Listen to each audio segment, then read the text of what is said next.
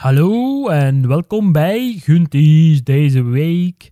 We gaan het deze week hebben over modelcontracten en hoe ik die praktisch gebruik en waarom ik modelcontracten gebruik. Wel, laat ons beginnen bij het begin met de gsm op stil te zetten. begin van alles. Ehm, en modelcontracten. Dus ik heb een app op de iPad. Die noemt Easy Release. En die laat het je toe. Het kost wel 3 of 4 euro. Die laat je toe om een eigen gemaakte tekst daarin te zetten. Die het model moet ondertekenen. Waarbij je aangepaste velden kan invoegen. Bijvoorbeeld de stijlen die je shoot. Uh, waar die foto's mogen gepubliceerd worden en dergelijke.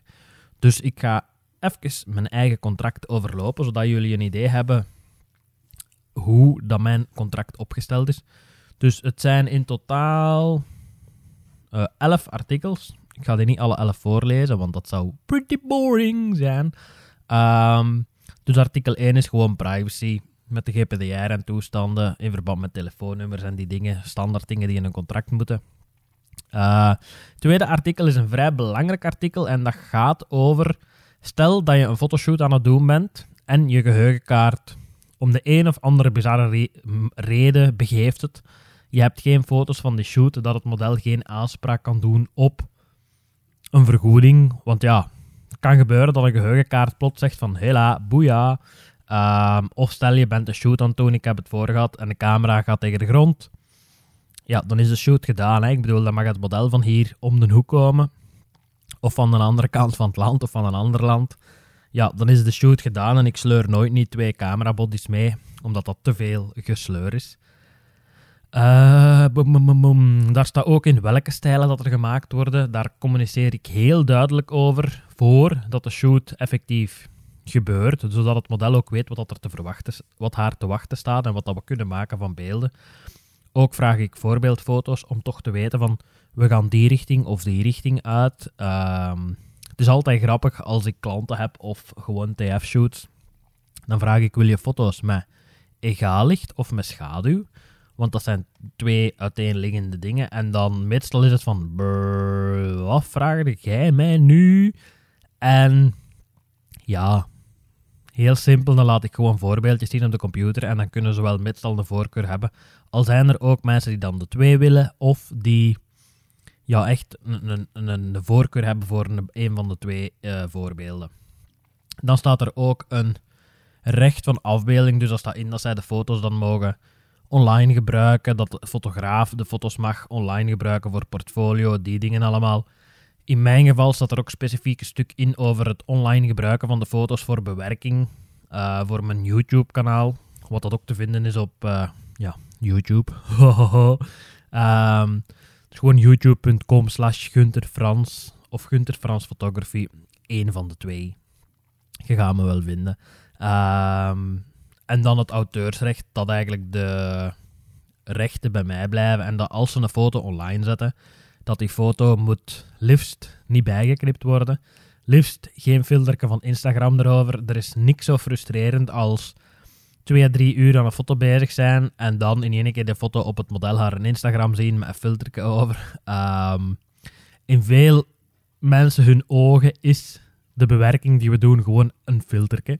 Helaas is het veel meer dan een filterke. Um, daar kruipen wel wat uren in. Dat is voor mij het stuk waar dat de meeste tijd in kruipt, omdat dat het creatieve stuk is. De rest is allemaal bandwerk, laat ons zeggen. Uh, huid retoucheren, beuren, die dingen. Uh, maar de klurkes is iets specifiek voor het model. Dus dat staat er duidelijk in. Uh, ook dat als bijvoorbeeld een model hier komt en we shooten daarmee, uh, laat ons zeggen, in de bamboe hier buiten in de tuin, dat hij niet mag zeggen van ja, maar ik heb dat gedaan. En, en, en die ander die, die gaat dat ook doen. Dat mag niet, hè. Dus dat staat er ook letterlijk in. Ehm, ook als ze online de foto's plaatsen, dat ze wel ergens met een naam moeten vermelden. Kwestie van wat, ja, als het een gratis shoot is, en die zijn er eigenlijk nog te veel, dan uh, ja, dat je toch credit krijgt dat er toch iets van reclame gemaakt wordt. Dan hebben we het over publicatierecht. Dat staat in dat de foto's duidelijk niet mogen verkocht worden, tenzij dat er een andere overeenkomst gemaakt is. Ook dat de foto's niet mogen eh, verkocht worden, commercieel gebruikt worden, want daar is in het verleden ook al wel uh, misbruik van gemaakt. Mensen die komen shooten, een TF-shoot, dus gratis. En dan achteraf de foto's online gebruiken voor hun website of voor hun werk of eender wat. Dat mag dus niet. Um, als dat wel mag, dan wordt er een nieuw contract opgemaakt met daarin de voorwaarden en al die toestanden. Um, daar staat ook duidelijk in dat het model geen vergoeding ontvangt. Dat de shoot is haar tijd in ruil voor mijn tijd, wat dat dan TFCD noemt, zoals vroeger Time for CD. Maar aangezien dat CD's al uh, even uh, gepasseerd zijn, is dat tegenwoordig gewoon een WeTransfer met de foto's in hoge resolutie.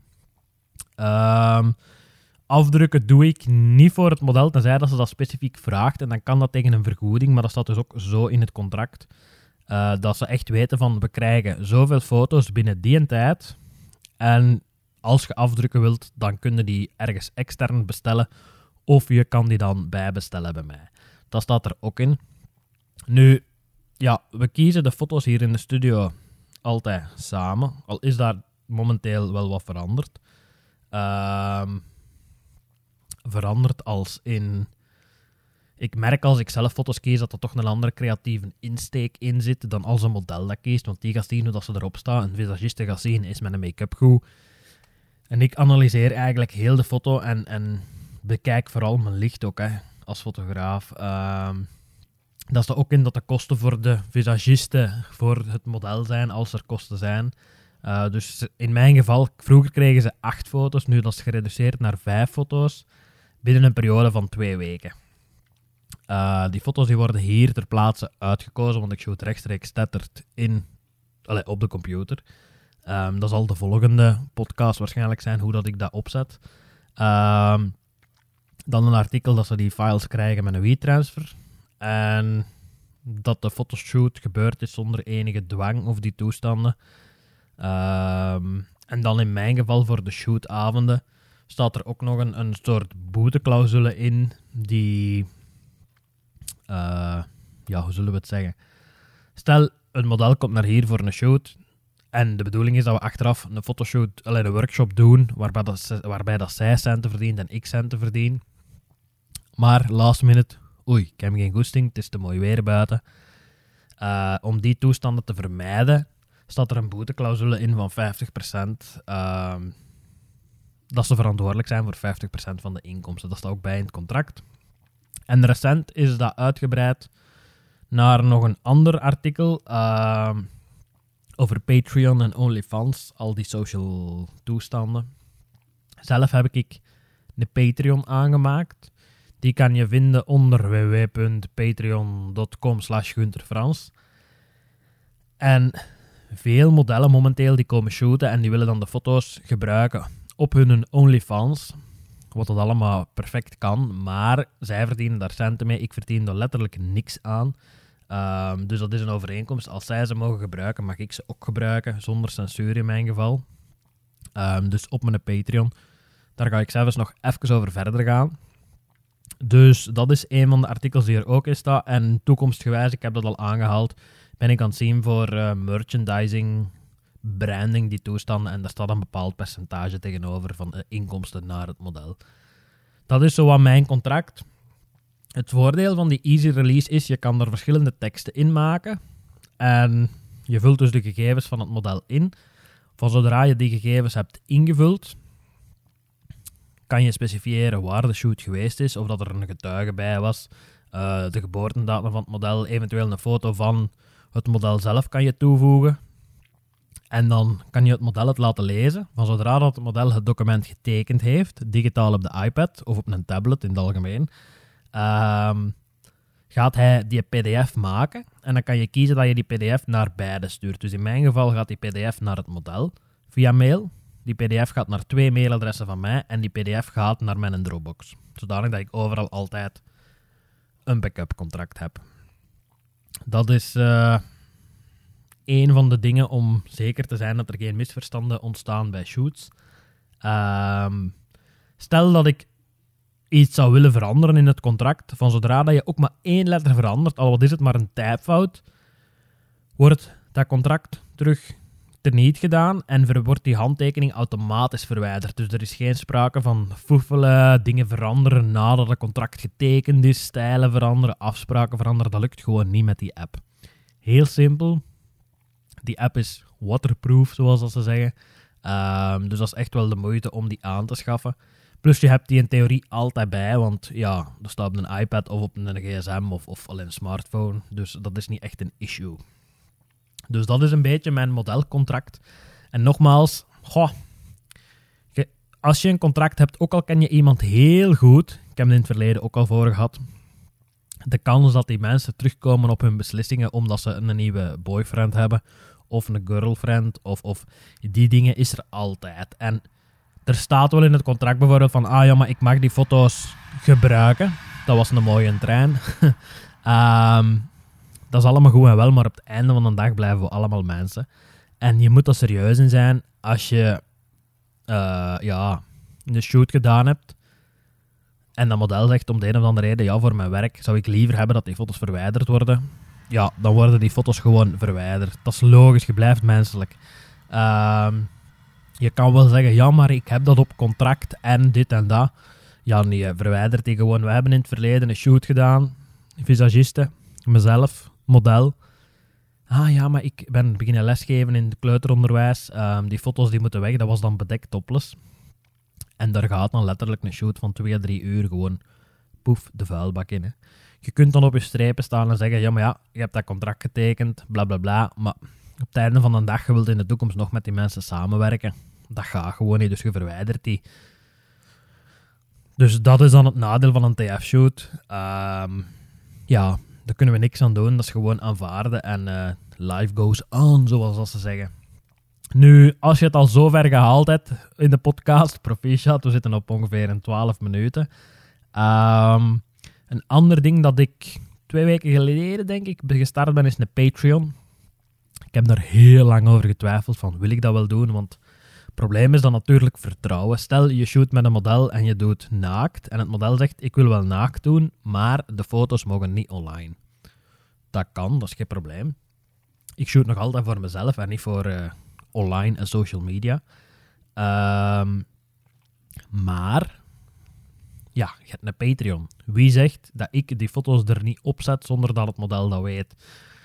Dus dat is een twijfelpunt dat langs een andere kant, langs, de model, langs het modelhaarkant, uh, een probleem gaat worden met zo'n Patreon. Dus ik heb er echt heel lang over nagedacht. Daarom dat ik het ook in het contract bij opgenomen heb. Afspraak is afspraak, daar wordt niet van afgeweken. Um, en ik ben er op voorhand ook heel duidelijk in. Ik stuur het contract op voorhand door via social media, dus uh, Instagram of een mail of Facebook Messenger, al die toestanden.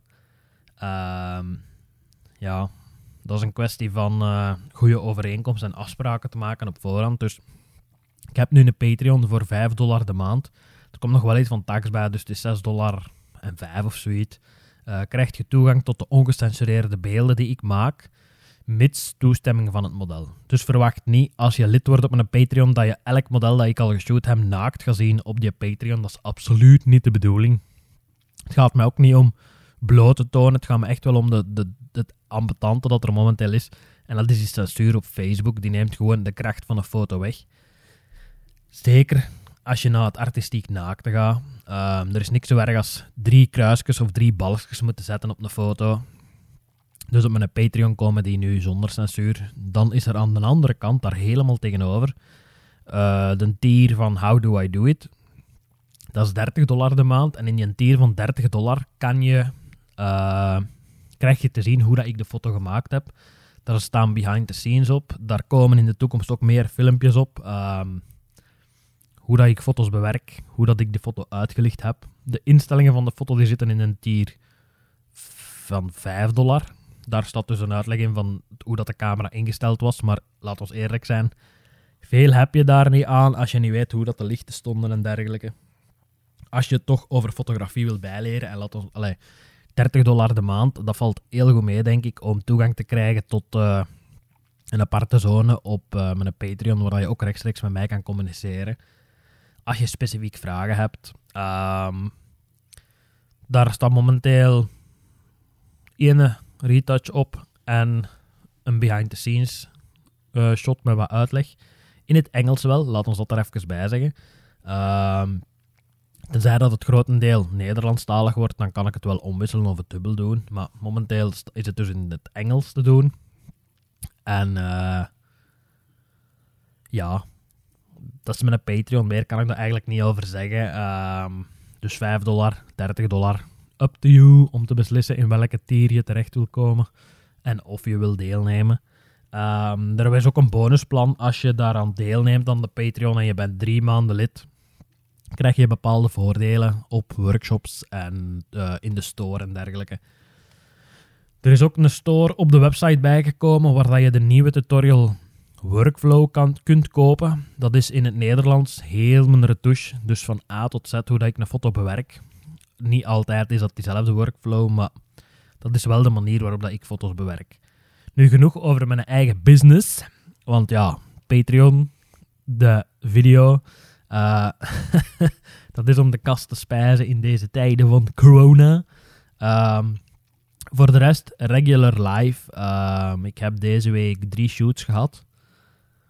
Ene buiten, een andere binnen en buiten. En dan nog een andere binnen, dacht ik.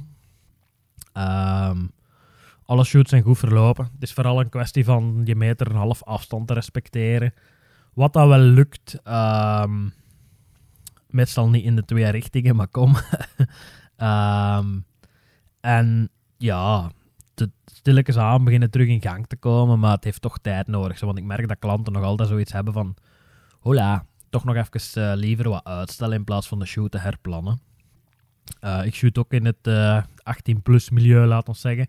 Uh, voor ja, de escortes en toestanden. Um, en zij, ja, die business is dood. Dus daar zijn heel veel boekingen die er stonden die helaas geannuleerd zijn naar een nog te bepalen datum, want we weten nog altijd niks van de overheid. Ik heb zelf nu, ja, laat ons het even transparantie noemen, het geluk gehad dat ik zowel de hinderpremie als de, uh, de overbruggingsrecht gekregen heb. Maar sinds 11 mei mogen wij als fotograaf terug open. Maar de grootste bron van inkomsten voor mij zijn de workshops. Dat is gewoon zo. De workshops en de shoot-events zijn de grootste bronnen van inkomsten. Helaas zijn die weggevallen. Want we mogen momenteel nog geen workshops geven, ook niet in een kleine groep. En uh, dus het is wachten nu tot 8 juni, alvorens dat de overheid hopelijk iets gaat beslissen daarover. Um, het zal nooit niet zijn gelijk vroeger met zes man in de studio. Het zal verspreid moeten gebeuren, maar dan nog, al wat kunnen we maar één op één workshops aanbieden, dan nog is dat interessant. Um, dan komt er toch iets van centen binnen in plaats van niets. Het voordeel is dan weer langs de andere kant dat een tuin nu picobello in orde is. We hebben toch tijd te veel gehad. Um, dus ja, dat is het zowat voor deze podcast. Ik hoop dat jullie het een beetje interessant vonden. Het was een beetje een varia van van alles. Het ging over een modelcontract, wat dat heel belangrijk is als fotograaf met modellen. Het ging over een, mijn Patreon, het ging over mijn workflow en dan ging het nog een beetje over mijn life in general, de business life, zoals dat ze zeggen. Uh, want veel mensen denken als fotograaf dat het enkel op het knopje duwen is. Helaas is het uh, veel meer dan dat. Um, helaas, dat is niet van helaas. Uh, het is, je zit meer andere dingen te doen dan dat je effectief foto's aan het maken bent. Um, dus ja, volgende keer zal het gaan over tethering en hoe dat ik alles uh, hier regel qua foto's en dergelijke. En uh, als jullie zelf topics hebben die je graag aangehaald wil zien, laat het me even weten. En dan bespreek ik die dingen graag. Wil je zelf ook eens deel uitmaken van de podcast? Let me know. En daar is weer een trein. En dan kunnen we wel zien hoe en wat. Dus uh, ja, dat is het voor nu. En dan hoor ik je wanneer ik je hoor. Of zoiets. Ciao, ciao.